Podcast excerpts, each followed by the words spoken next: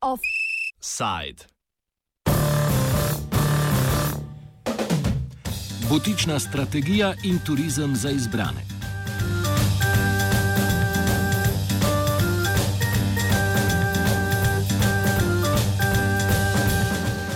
Vlada je na današnji seji sprejela strategijo trajnostne rasti slovenskega turizma 2017 do 2021, s katero resorno ministrstvo za gospodarski razvoj in tehnologijo predvideva razcvet te gospodarske panoge. Rekordne številke v minuli poletni turistični sezoni so potrdile turistični potencial Slovenije, s pravilno usmeritvijo pa bi turizem, po smelih besedah strategije, lahko postal ena od gonilnih domačih gospodarskih panog. Cilje strategije je po vladni seji predstavil ministr za gospodarski razvoj in tehnologijo Zdravko Počivalšek. Ključni cilji te strategije so doseči do konca tega obdobja 3,7 do 4 milijarde evrov iz naslova potovanj. Izhajamo iz tega, da smo v lanskem letu imeli 2,3 eh, milijarde evrov. Naš eh, fokus bo torej usmerjen v doseganje više dodane vrednosti. Želimo eh, do konca tega obdobja priti na skoraj 5,5 milijona prihodov, če smo zdaj nekaj pod eh, štirimi. Želimo priti na 16 do 18 milijonov nočitev. Lansko leto smo prvič eh, presegli eh, 11 milijonov in potem obdobje želimo investicijsko uh, izvesti, prenoviti, na novo narediti med 18 in 22 tisoč uh, sobami v uh, turizmu. Nekaj več kot polovica od tega v hotelih, nekaj manj od polovice od tega v manjših turističnih obratih. Za dosego omenjenih ciljev strategija v splošnem predvideva razvoj elitnega turizma za izbrance. Ali če citiramo kar predlagano novo strateško vizijo slovenskega turizma. Slovenija je globalna zelena butična destinacija za zahtevnega obiskovalca, ki išče raznolika doživetja, mir in osebne koristi. Konec citata. Da se strategija odmika od turističnih mas, eh, pa da eksplicitno vedeti pri definiciji tako imenovanega zahtevnega obiskovalca, ki ga opredeli kot zahtevnejšega gosta, ki išče raznolike in zadovoljujoče izkušnje, drugačne od masovnega turizma. Profesorica na Fakulteti za turistične študije turistika Maja Uran Maravič se s tako formula, formulirano vizijo turizma sicer ne strinja, kljub temu pa povdarja, da butičnost ne pomeni nujno stereotipne gradnje luksuznih hotelov, elitnih destinacij in močnih infrastrukturnih posegov v naravi.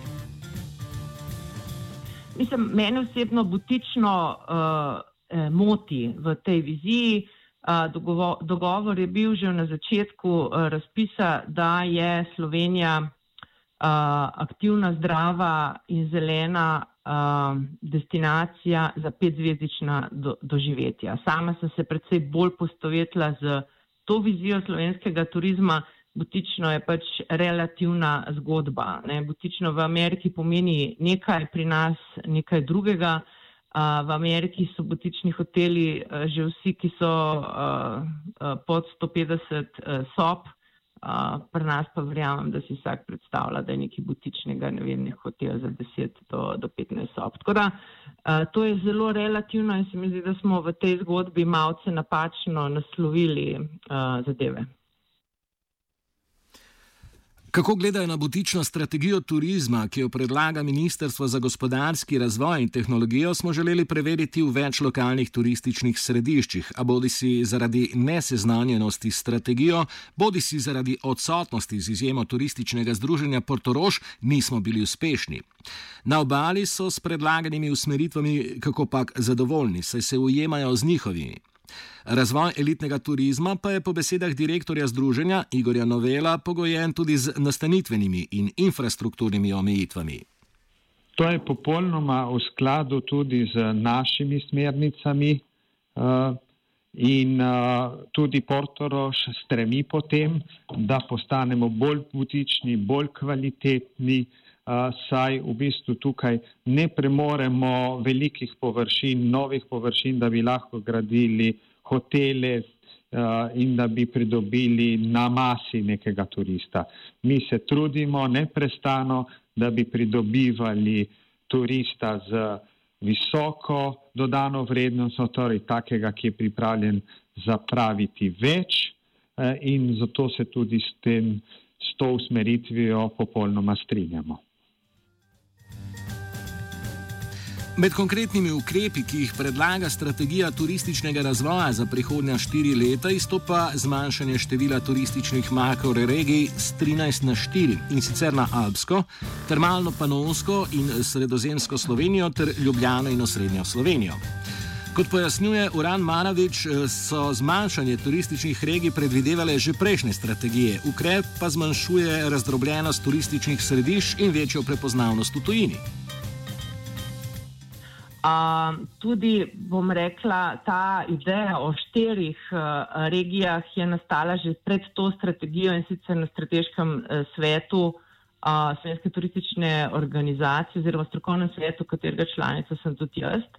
In v bistvu, ko smo šli v proceduro oblikovanja strategije, uh, je potem gospodarstvo to idejo samo, mislim, da skoraj stoprocentno uh, podprlo. Uh, V čem je problem? Pač uh, razdeljenost nam na mednarodnih trgih škodi, zaradi tega, ker ne moramo stržiti take količine uh, tržnih znamk oziroma brendov destinacij, uh, ker zato enostavno nimamo sredstev.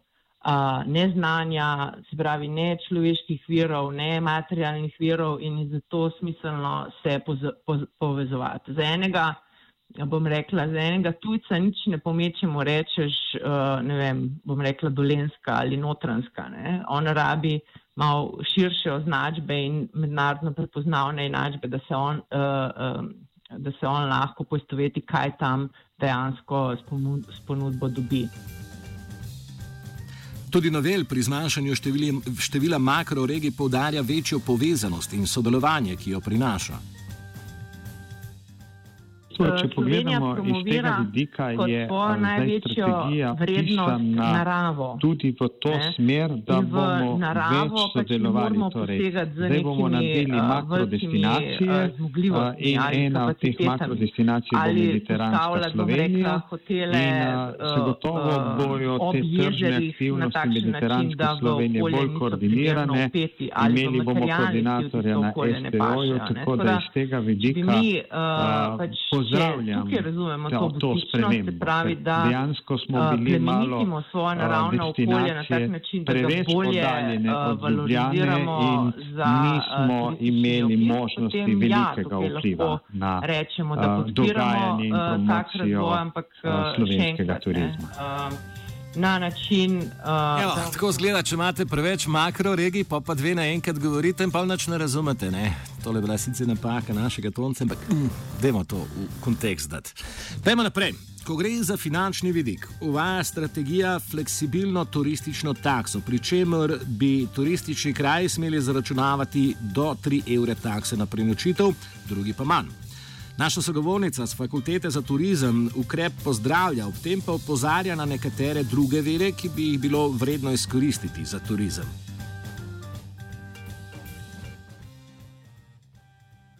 takse že dolga uh, in da smo imeli celo desetletje, ko jo nismo dvigovali.